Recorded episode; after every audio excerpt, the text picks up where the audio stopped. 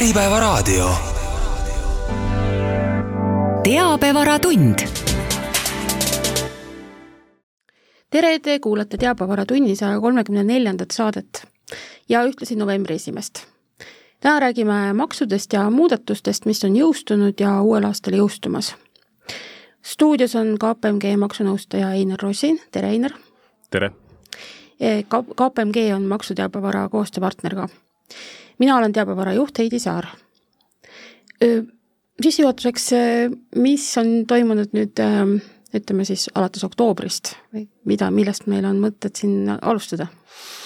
no tundub, et see, see aasta on selles mõttes eriline, et toimub ja juhtub peaaegu kogu aeg midagi, et kusagil on küpsemas uued eelnõud, midagi on juba vastu võetud, midagi on jõustunud ja rakendunud ja, ja, ja midagi on alles nii-öelda arutelude tasandil, et, et selles mõttes on, on maksunõustajale praegu selline väga põnev aeg. Kui nüüd konkreetselt oktoobrist rääkida, siis äh, siin jõustus üks äh, muudatus, mis puudutab konkreetset ehitussektorit ja see on siis see nii-öelda töövõtuahelate registreerimise nõue äh,, mille taust on siis see, et äh, Maksuamet, riik ja, ja ka ütleme siis äh, ausad tööandjad äh, püüavad siis äh, võidelda ümbrikupalga maksmisega. et, et kui siin tausta vaadata, siis mm, Maksuameti enda ja, ja siis tööandjate uuringute järgi noh, umbes iga neljas-viies inimene Eestis teab kedagi, kes, kes saab ümbrikupalka ja no umbes viis protsenti inimestest või vastanutest siis on, on möönnud, et kas rohkem või vähem, aga, aga mingil määral ümbrikupalka nad saavad. ja, ja kui nüüd sinna statistikasse rohkem sisse vaadata, siis noh, sellist päris päris mustalt töötamist on ikkagi pigem vähe, aga sellist tumehalli ala on, on, on nagu päris palju ehk siis selles, selles mõttes, et, et teatud osa töötasust saadakse ametlikult ja, ja sinna juurde siis äh, mingisugune osa tuleb siis nii-öelda äh, mitteametlikult. ja, ja see maksuaugu suurus, mis äh, mis Maksuameti hinnangul siis jääb kätte saamata, on aastas kuskil saja miljoni euro kandis ja, ja kui sinna omakorda sisse vaadata, siis sellest sajast miljonist hinnanguliselt kõige suurema osa moodustab äh, ehitussektor, umbes kahekümne miljoniga, äh, mis siis on ka põhjus, äh, miks siis ehitussektoris on kehtestatud alates oktoobrist nüüd päris sellised karmid nõuded. ja, ja noh, kui siit nüüd natukene veel ajaloos tagasi vaadata, siis ähm, noh maksuametil on alati äh, sellised traditsioonilised tööriistad, ehk siis nagu teavitamine ja veenmine ja koolitamine ja, ja siis äh, sealt edasi on siis juba sellised äh, natukene konkreetsemad asjad, ehk siis juba ütleme, kontrollimine, maksu määramine, karistamine. Ähm, need mõlemad töötavad teatud piirini. aga, aga noh, päris lõpuni ju, ju kõiki maksumaksjaid, isegi kui me võtame ainult ühe sektori, noh kõiki ei jõua kontrollida. et noh, tegelikult on ikkagi, kui sul on nagu ettevõtteid tuhandetes, siis sa jõuad neist kontrollida ehk sadu äh,, aga, aga sellega nagu piirdub asi, et, et sealt edasi muutub see kontroll juba lihtsalt nii äh, kalliks, et, et see ei tasu enam ära. aga aga noh, siis eh, noh, kuna praktika oli ikkagi selline, et eh, nende kontrollide käigus selgus väga sageli, et eh, et noh, ehitusobjektidel olid seal mingisugused inimesed, kes ei peaks seal olema, kes justkui ei töötanudki seal, kes või siis kui häda, kui juhtumisi tabati keegi nii-öelda piltlikult öeldes kellu käes, et noh, siis, siis ta oli parajasti sinna esimesel päeval kohale jõudnud, et lepinguid ei olnud veel vormistatud või siis ähm, noh, keegi oli parajasti sõbrale külla tulnud äh,, miks ta seda sõpra käis kusagilt keldrist otsimas, oli nagu omaette küsimus.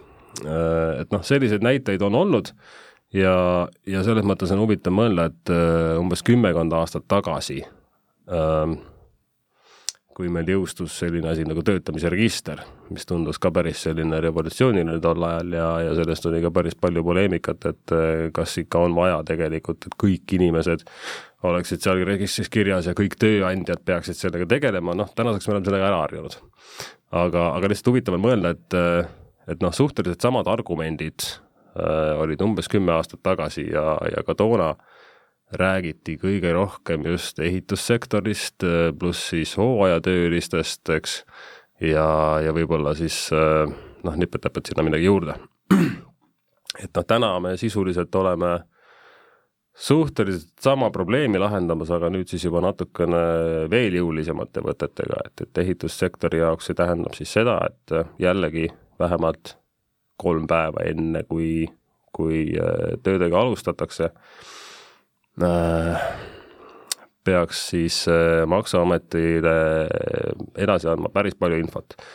esiteks seda, et äh, mida ehitatakse, kus ehitatakse, mis töid seal täpselt tehakse, kes on peatöövõtja, kes on alltöövõtjad, millised inimesed objektile on üldse lubatud.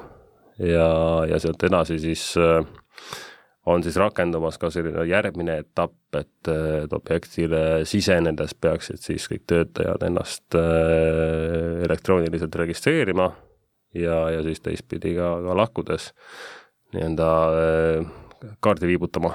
ja, ja see peaks andma Maksuametile nagu päris äh, täpse ülevaate sellest, et kes töötab, millal töötab, kui kaua töötab ja, ja noh, ütleme arvestades, et seda infot tuleb äh, noh, peaaegu ette reaalajas äh, Maksuametile edastada, siis äh, no väga raske on, on ette kujutada, et, et sul on seal objektil mingisugused inimesed, kes ei peaks seal olema. et ähm, selles mõttes ma arvan, et äh, noh, ütleme vähegi suuremate tööde puhul on ikkagi päris keeruline nüüd Äh, vähemalt puhtalt äh, ümbrikupalka maksta. Äh, teine, teine asi on, on siis see, et kas, kas see teeb jätkuvalt võimalikuks selle, et mingisuguse osa töötasust saab ümbrikupalgas maksta, aga ma arvan, et ka see on natukene selline äh,, läheb vähemalt keerulisemaks. sellepärast, et sa ei saa enam väita näiteks seda, et sul töötaja töötas osalise koormusega. et, et mis, mis õigustaks nagu madalama palga maksmist ja, ja noh, sellised, sellised elulised asjaolud, mis ilmselt äh, Maksuametile annavad nagu päris, äh, päris palju äh, tööriistu juurde. kuidas sulle tundub, kas Maksu- ja Tolliametil on ressurssi, et siis sisse, sisse tulevat infovoogu hallata? ma usun, et küllap sellele on mõeldud jah, et, et kindlasti on. ma, ma selles ei kahtle, et ma pigem arvan just, et seesama infovoog äh, Äh, võimaldab äh, väga palju täpsemini oma nende nii-öelda niisugust kontrolliprotseduure suunata äh, konkreetselt sinna, kus see probleem paistab nagu teravamalt välja. mida see rahaliselt tähendab ehitusettevõtjale? noh, ütleme nii, et maksude poole pealt ausale ettevõtjale ei tohiks see nagu väga midagi tähendada Äh, et ettevõtja, kes on siiamaani oma maksud ära maksnud, äh, nende puhul ei, äh, ei juhtu ka edaspidi midagi. küll aga selle süsteemi nii-öelda sisseseadmine ja, ja käigus hoidmine ilmselt mingisuguseid kulutusi tähendab, kas või nii palju, et keegi ettevõttest, on ta siis raamatupidaja, personalijuht või, või väiksemate ettevõtete puhul tegevjuht, noh, keegi peab Maksuametile selle info edastama äh,, need kiibid äh, ja, ja see süsteemi ülesseadmine ja käigus hoidmine ilmselt maksab ka natukene ähm,. aga teisest küljest äh, noh mm,, ka täna tegelikult suuremad ettevõtjad üsna sarnaseid süsteeme kasutavadki ja, ja just täpselt selle jaoks, et, et ise tagada see, et, et ehitusplatsidel juba, juba kas või lihtsalt nagu ohutuse mõttes äh, ei liiguks kõrvalisi isikuid ähm,. või, äh, või siis ka täpselt selle jaoks, et jälgida töötajate tööaega ähm,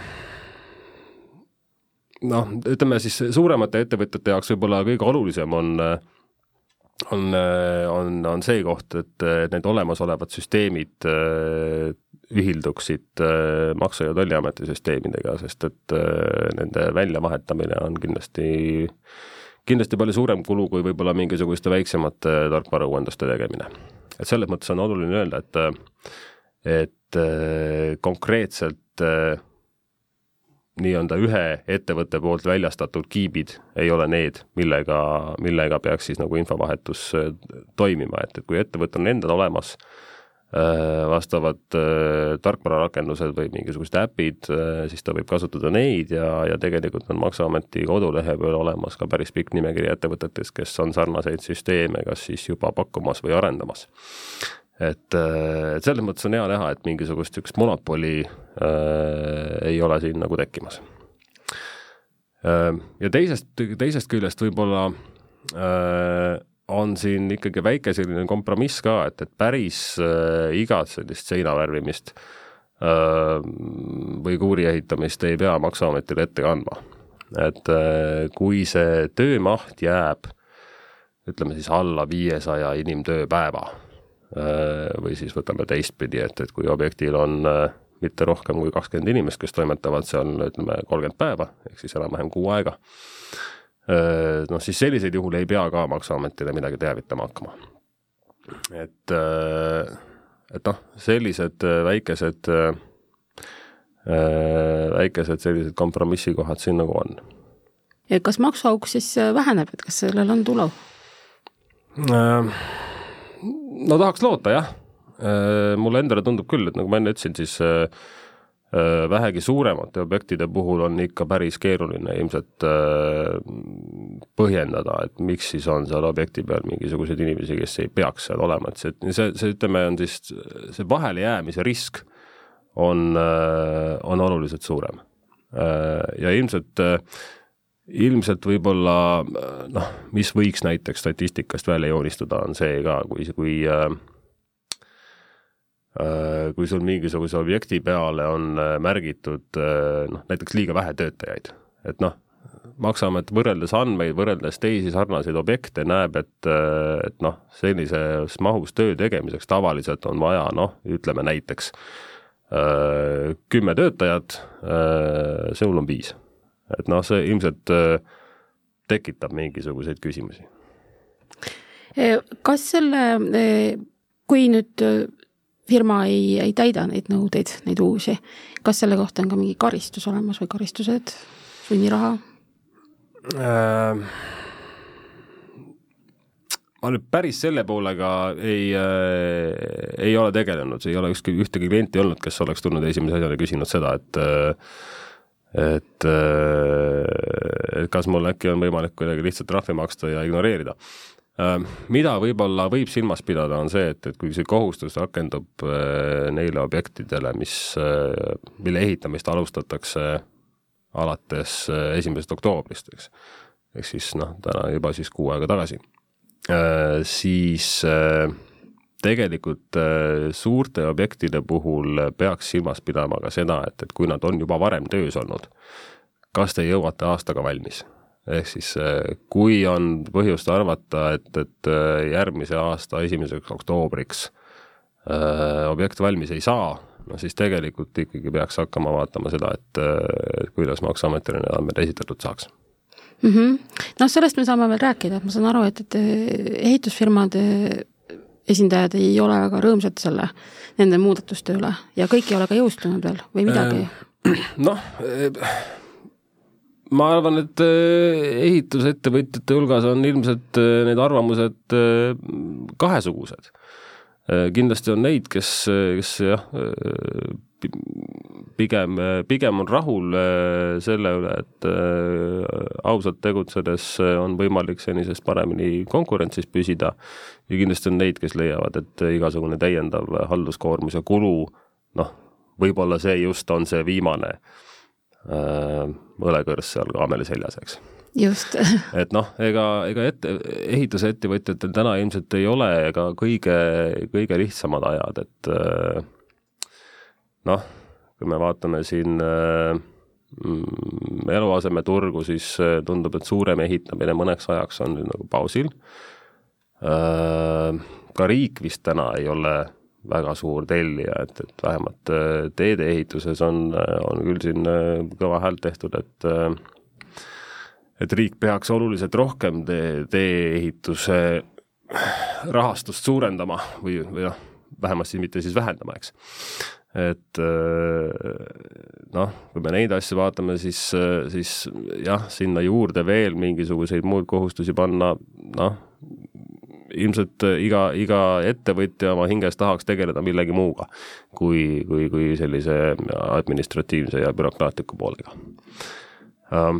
Noh, lisaks siis juurde, et kui me vaatame nüüd äh, maksumuudatused, äh, mis, mis siin edaspidi tulevad, siis äh, ega ilmselt see käibemaksu tõus nüüd, nüüd ka nagu teab, mis lihtsaks seda elu ei tee või lihtsamaks. et, et jällegi üks selline asi, mis noh, ehitussektoris tihtipeale sõltub võib-olla ka kliendist, et kui, kui ehitaja klient on, on nii-öelda äriklient, siis, siis teda võib-olla see käibemaksumäära tõus nii väga ei, ei morjendagi. aga, aga tihtipeale ja noh, reeglina pigem ikkagi käibemaks on, on teema. eriti siis nii-öelda erakliendile aga, aga sinna juurde ka sageli siis äh, avaliku sektori kliendid, kellel ka tegelikult ei ole sisendkäibemaksu mahaarvamise õigust. et, et selles mõttes äh, näha on, et noh, tänagi turul on kampaaniaid, et, et kaks protsenti on suur muutus ja, ja noh, tegelikult summasid arvestades nominaalis ongi. mida võib-olla ehitusettevõtjad peaksid kindlasti ja noh, tegelikult ma arvan, et siit ehitussektori jutust võib juba vaikselt välja minna, et et, et üldse ettevõtjad, kellel, kellel on eh, pikaajalisi lepinguid ja eriti, kui nad on sõlmitud siin äh, enne esimest maid äh, tänavu siis äh,, peaksid vaatama seda, et, et mismoodi nende lepingute sõnastus, eriti selles osas, mis puudutab käibemaksu, on, on, on kokku lepitud et äh, hästi suur vahe on selles, et kas lepingusse on kirja pandud, et äh, hinnale lisandub käibemaks kakskümmend protsenti või, äh, või on, või on ta kuidagi muud moodi kirjas, näiteks et lihtsalt, et hinnale lisandub käibemaks ja punkt. või on ta kokku lepitud niimoodi, et tehingu väärtus on summa X, sealhulgas käibemaks. et, et see, see nüanss võib natukene mõju avaldada ja, ja just selles mõttes, et miks ma ütlesin, et esimene mai on oluline, et kui need lepingud on sõlmitud enne esimest maid, äh, siis, siis kui nende lepingute täitmine jätkub ka järgmisel aastal, siis siin võib olla võimalusi, et äh, jätkata ka kahekümne protsendise käibemaksuga. aga, aga see ongi just siis äh, võimalik sellistel puhkudel, kus on lepingus kokku lepitud näiteks lõpphind koos käibemaksuga, täpsustamata käibemaksumäära ja täpsustamata ka seda, et, et käibemaksu määr võiks muutuda. Äh, või siis, või siis vastupidi, et kui, kui lepingus on konkreetselt kirjas, et, et pluss käibemaks kakskümmend protsenti, et, et ka sellisel juhul äh, põhimõtteliselt on võimalik äh, vana lepinguga veel mõnda aega jätkata. Nii et ühesõnaga, kui ei ole mainitud või no ühesõnaga kirja pandud, et, et on käib-, pluss käibemaks kakskümmend protsenti, siis on kõik korras, vastasel juhul tuleks leping ümber teha või äh,? mitte, mitte nüüd just ümber teha, aga just äh, selles mõttes, et äh, lepingu ümbertegemine täna enam ei aita äh,. aga, aga pigem just vaadata sinna hoolikalt sisse, et mis selle lepingu sisu täpselt oli, et kuidas see käibemaksu pool sinna kirja on pandud teine asi, mis selle käibemaksumäära muutusega tasub meeles pidada, on nii-öelda käibe tekkimise ajareegel.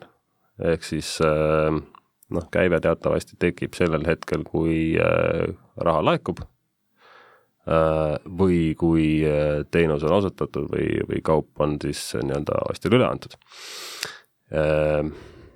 mis, mis tähendab seda, et noh, et ükskõik milline neist asjadest siis esimesena juhtub, siis see on see hetk, kui, kui on käibe tekkimise aeg, ehk siis nagu ma kujutan ette, et siin selle aasta lõpus võidakse teha veel äh, tarbijate poolt päris palju selliseid äh, suuri oste, äh, kas või näiteks autod, äh, just nimelt sellepärast, et esiteks praegu saab veel madalama käibemaksumääraga, siin ongi siis oluline jälgida kahte asja, et kas raha saab makstud, mis tähendab, et käive tekib, kuigi võib-olla autot veel kohe kätte ei saa, või teine variant on see, et, et saab auto kätte noh, autot ei saa kätte enne, kui raha on makstud, eks et, et, et noh, selles mõttes, et kui see käive jääb sellesse aastasse, siis, siis saab rakendada veel kahekümne protsendist määra. küll aga äh, ei tähenda kahekümne või ei saa kahtekümmet protsenti rakendada lihtsalt sellepärast, et arve on sel aastal esitatud. et see iseenesest ei muuda midagi et võib-olla siin võiks ka aasta lõpus vaadata, et kui siin arved hakkavad välja minema, et, et millal see tasumise tähtaeg on, et kas ta on nüüd veel sellel aastal või on ta järgmisel aastal, et see omakorda lisab ka väikseid nüansse juurde. nii, läheme siis selle käibemaksuga edasi, seal oli veel nüansse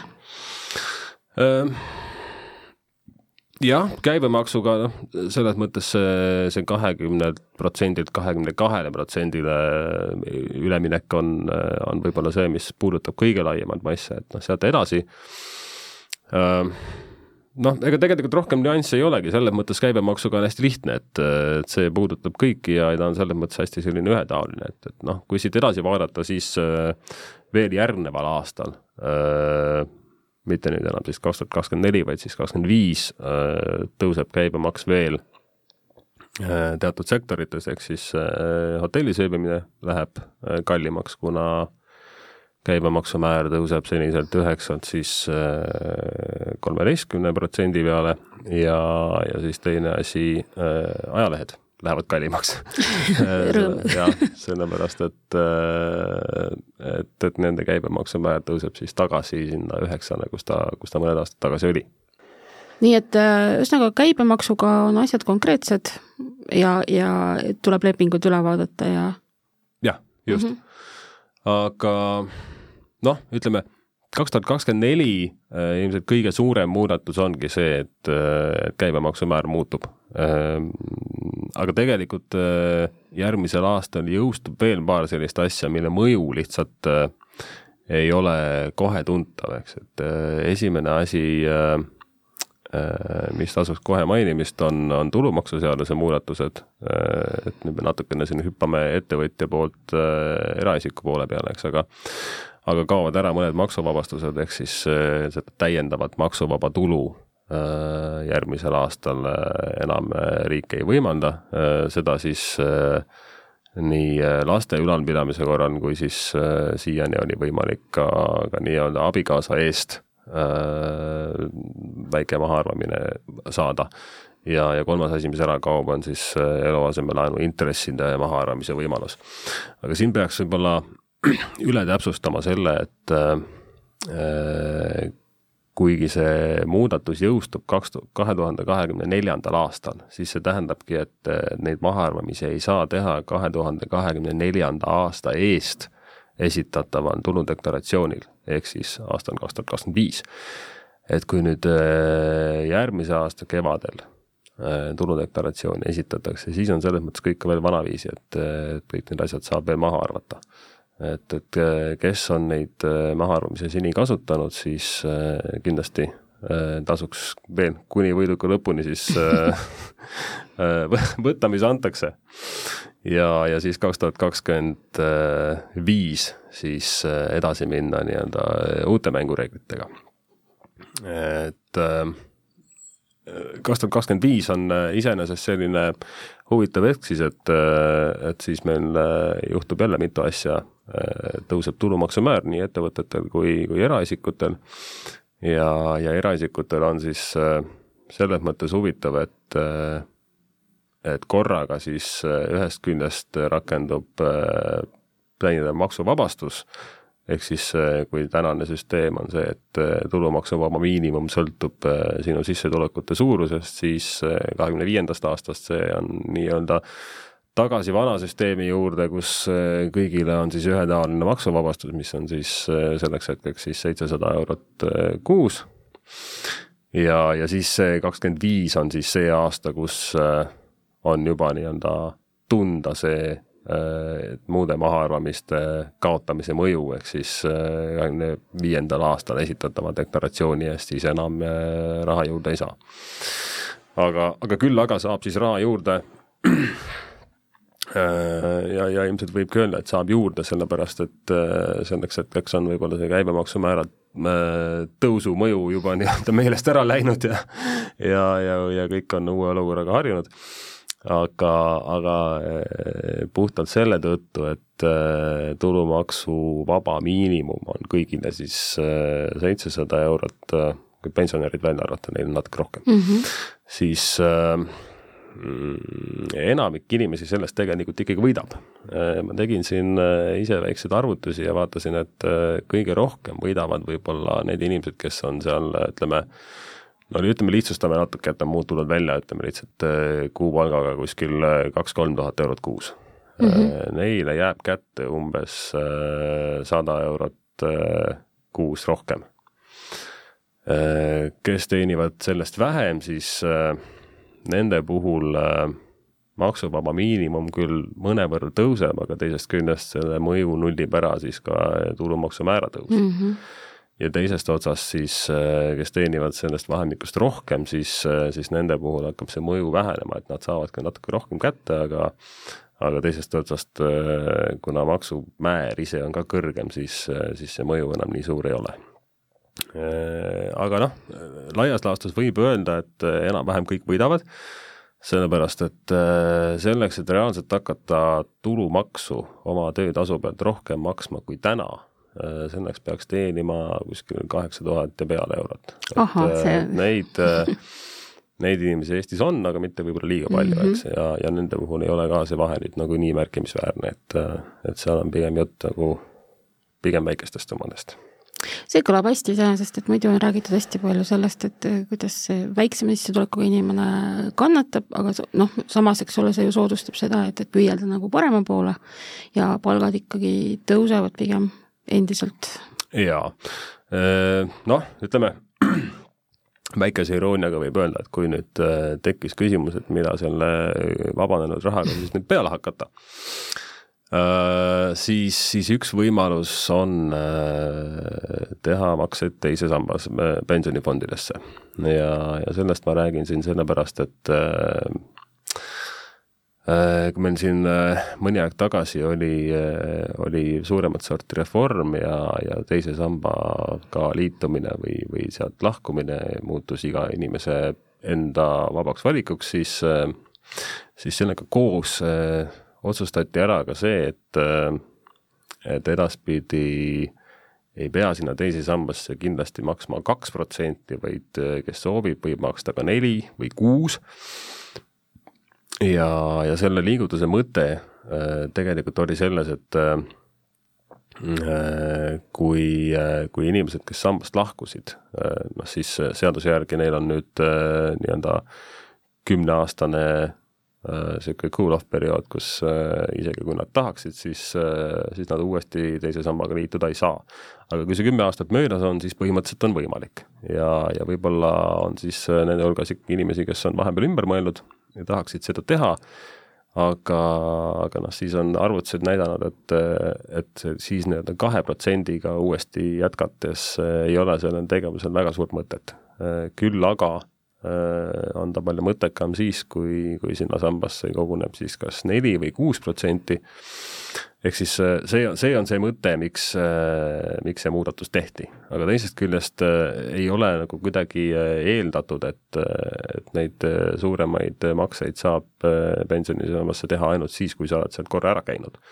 ehk siis tegelikult, kui sa oled täna endiselt teise sambaga liitunud ja, ja tahaksid neid makseid edasi teha, siis palun põhimõ-, põhimõtteliselt mm, -hmm. põhimõtteliselt võib jätkata kahega, aga võib tõsta ka, ka nelja või, või kuue protsendi peale.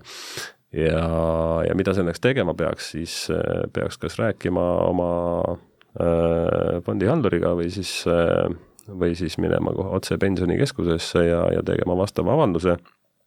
kui see avaldus saab tehtud noh, ütleme tänasest siis järgmise aasta jooksul, ehk siis kuni järgmise aasta novembrini novembri lõpuni, siis äh, saab sinna neid suuremaid makseid teha juba alates kahe tuhande kahekümne viiendast aastast, kui see avalduse tegemine jääb natuke liiga hilja peale, ehk siis juba detsembrisse, noh siis tuleb aasta oodata vahepeal veel ahah, et ei olegi niisama lihtne? jah, iseenesest on lihtne, aga, aga, aga tuleks natukene nagu üsna varakult tuleks ette mõelda, jah mm. -hmm.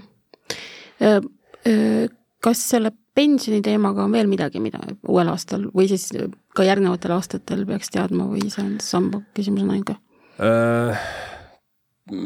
pensionisammaste teema otseselt äh,, otseselt midagi rohkem nagu muutumas ei ole äh,. noh, pensionit mainid, siis äh, siis põhimõtteliselt äh, pensionäride puhul muutub äh,, muutub lihtsalt see, et äh, nüüd on igal aastal äh, sätestatakse riigieelarvega äh, keskmise pensioni suurus äh,, mis sel aastal oli äh, seitsesada neli eurot ja, ja järgmisel aastal tõuseb päris, päris tuntavalt sinna kuskile seitsmesaja kaheksakümne kanti, praegu peast ütlen et, äh, et iseenesest ju, ju, ju pensionäridele hea uudis.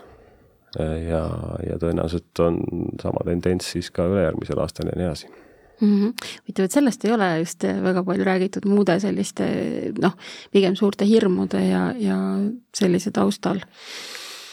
Äh, nojah, see on, äh, see on selline kahe otsaga asi, et, et ühtepidi me räägime, et riigieelarve on miinuses ja teistpidi tuleb endale aeg-ajalt meelde tuletada, et miks ta miinuses on.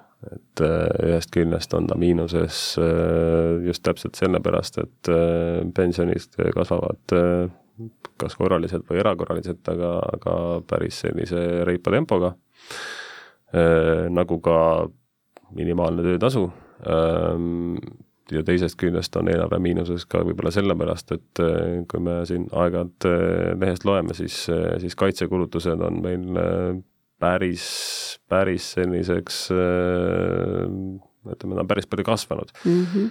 et noh, viimase aja näited, mis siin meelde tulevad, on, on võib-olla mingite sõidukite ja ja õhutõrjesüsteemide ja, ja, ja, ja muude relvasüsteemide ostmine, kus, kus need hinnasildid ikkagi nendel hangetel on nagu sadades, sadades miljonites. et kui me selle taustal mõtleme nüüd äh, automaksu peale, mis on täna veel siiski sellises äh, arutelu tasandil, siis, äh, siis äh, noh, automaksust ühe aastaga laekuv summa prognoositav, noh, selle eest saab, ütleme siis võib-olla mõned õhutõrjesüsteemid. Jah, jah, just, et, kui need nüüd jah, ümber arvestada, eks ole, siis, siis ei, ei ole sealt midagi nii väga oodata, eks ole kas sa arvad, kas automaks äh, jõustub järgmisel aastal? Äh, järgmisel aastal ei jõustu. planeeritud on ta tänase seisuga minu meelest kahe tuhande kahekümne viiendal aastal jõustuma. mis kujul täpselt, see on nüüd jälle selline omaette küsimus, et me oleme näinud nüüd täna umbes kahte, võib-olla kolme versiooni sellest äh,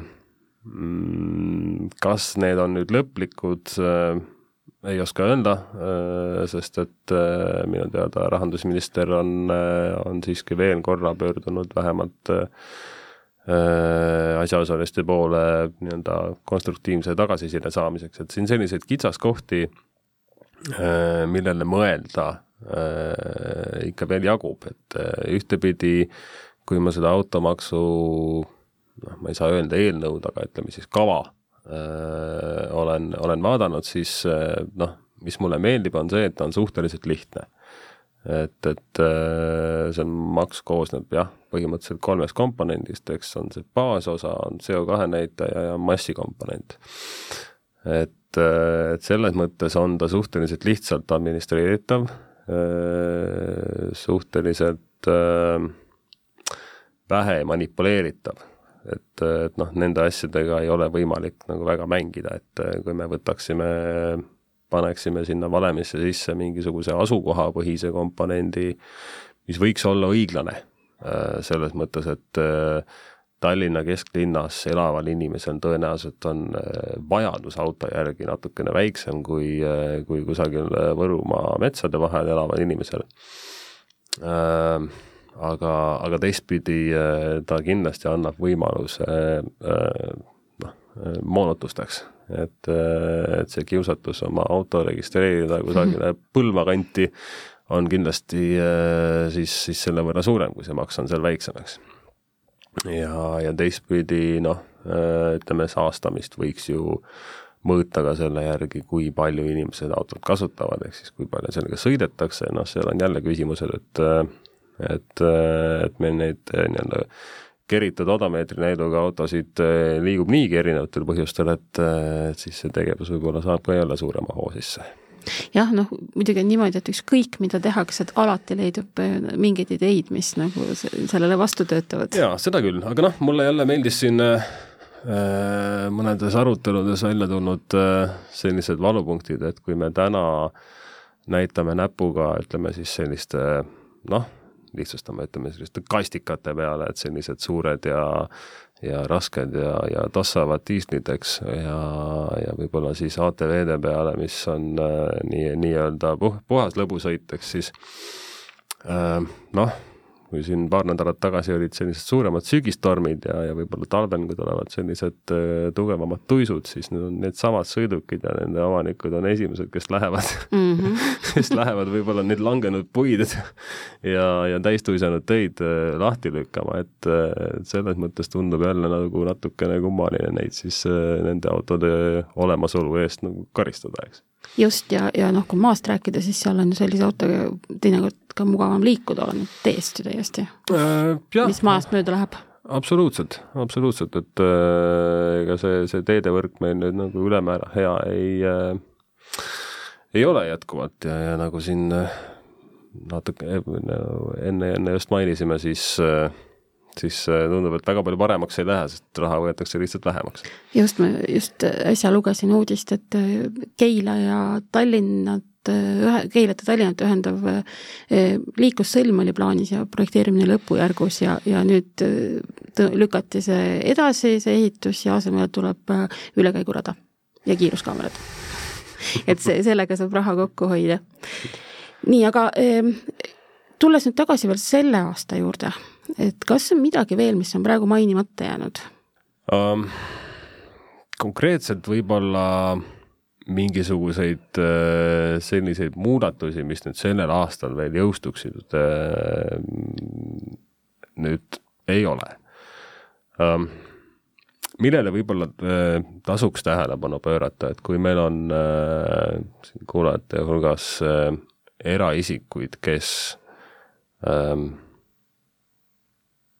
kasutavad siis nii-öelda platvorme endale tulu teenimiseks, et ähm, äh, siis nendele ma, ma paneks südamele või soovitaks, et äh, kui te seni ei ole seda võib-olla teinud, siis äh,, siis järgmisel aastal tuludeklaratsiooni esitades äh, oleks mõistlik äh, oma platvormi tulud hea ka ära deklareerida.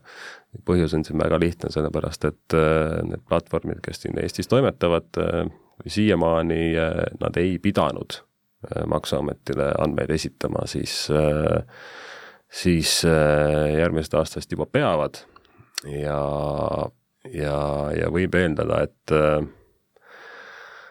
et, et kui teil on tulusid, mida te ei ole deklareerinud, ja, ja platvormidelt on näha, et, et te ikkagi midagi nagu olete saanud siis, siis varem või hiljem Maksuamet teiega ühendust võtab.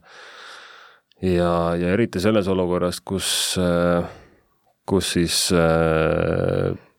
noh, nii-öelda ei ole midagi deklareeritud ei sellel ega siis ütleme ka eelnevatel aastatel, et noh, siis suur tõenäosus on, et lisaks sellele äh, kahekümne kolmandal aastal ja võetakse sealt ette võib-olla siis äh, veel ka varasemad perioodid, et, et see, see, mure võib nagu päris suureks paisuda. nii et see hõlmab siis näiteks äh, Airbnb-d ja sellist? jah mm, -hmm. just, just selliseid asju, et. ja, ja kui nüüd äh, see deklareerimata jääb, jääb, siis Maksu- ja Tolliamet hoiab silma peal või kuidas see info temani jõuab? info jõuab teemani väga lihtsalt, lihtsalt äh, platvormidele on äh, pandud kohustus äh, edaspidi anda Maksuametile infot. mitte nii-öelda küsimise peale, et, et konkreetsete isikute kohta, vaid noh, sisuliselt kogu info mm. -hmm. et mis ettevõtted, mis eraisikud, kes kui palju teenis, mis teenust kasutas ja nii edasi et, et noh, selles mõttes siiamaani oli see platvormimajandus selline natukene hall ala, kus, kus ka platvormide enda puhul, ütleme, see käsitlus oli erinev, eks, et, et, et äh, oli selliseid, kes võtsid ikkagi inimesed konkreetselt tööle ja mm, -hmm. ja maksid neile nii-öelda palka ja, ja maksid selle pealt ka maksud. oli sellist ärimudelit, kus äh, platvorm äh, ütles, et tema on konkreetselt vahendaja ja, ja, ja lihtsalt nii-öelda viib kokku ostja ja, ja müüja või siis äh, müüja, ostja ja, ja selle nii-öelda kulleri näiteks mm, -hmm. et äh, maksud ei ole nagu otseselt tema rida. ja, ja siis äh, noh, mingisuguseid äh, võib-olla mingeid vahepealseid variante veel äh, aga lihtsalt kui, kui siiamaani sai platvorm, eriti kes just seda viimast varianti kasutas, öelda, et, et see maksude teema ei ole tema teema mm -hmm, ja mm, -hmm. ja Maksuametile esitati infot ainult siis, kui näiteks see, see inimene, kes, kes selle kaudu tulu teenis, ise palus seda teha mm, -hmm. siis edaspidi ei ole see enam selline vabatahtlik võimalus, vaid see on kohustus nii, aga selle juurde tekkis mul kohe küsimus, et kas ka kullerid näiteks, toidukullerid? jah mm, -hmm. ka kindlasti kullerid. Noh, siin on võib-olla ähm, platvormid ise võtnud äh, siis äh, nendest uutest regulatsioonidest tulenevalt äh, suuna sinna, et äh,, et päris nii-öelda füüsilise isikuna äh, ongi väga raske Äh, seal tegutseda või noh, sul äh, lihtsalt ei pakuta enam seda võimalust, et äh, ka võib-olla siis platvormi enda riskide maandamiseks on on edaspidi siis rohkem mindud seda teed, et et, et noh, et ütleme siis nagu kullerid mm -hmm. saavadki tegutseda seal siis kas, kas näiteks ettevõtluskonto kaudu, mis tagab iseenesest selle, et kõik maksud saavad makstud. Äh, või siis FIE või, või osaühingu mm -hmm. või mhm. mingisuguses muus vormis, eks noh, see kõlab huvitavalt, mul laps töötas äh, suvel malevas Pärnus Woldi kullerina, et äh, minu meelest teda võeti sinna, kas oli äkki isegi selle töötajaregistris pandi kirja, ma arvan, et see oli väga-väga korrektne ja korralik. jah, siis siit võib järeldada, et selline ettevõtte ärimudel on on natuke teistsugune lihtsalt, jah. jah, jah, täpselt, et ega ma sellest ju palju ei tea mm. -hmm. nii, aga, aga siis, ähm, siis me oleme vist praegu need suuremad asjad läbi käinud ja, ja aasta alguses kindlasti on jälle põhjust äh, kohtudes, siis on äh, ühesõnaga ütleme nii, et, et kui, kui juba natukene on toimunud, et kui käibemaksu muudatus on. Kui esimene šokk on üle elatud. kui esimene šokk on üle elatud, just, et, et siin jäi natuke sõnu puudu, et kirjeldada, et, et mis see, mis see endast kujutab, et, et siis saame teada ja siis kutsume sind ja kedagi veel teilt äh, siia meile. nii et äh, aitäh tulemast, Einar! aitäh kutsumast! kes on KPMG maksunõustaja, mina olen teabevara juht Heidi Saar, aitäh kuulamast ja kohtumiseni! nägemist!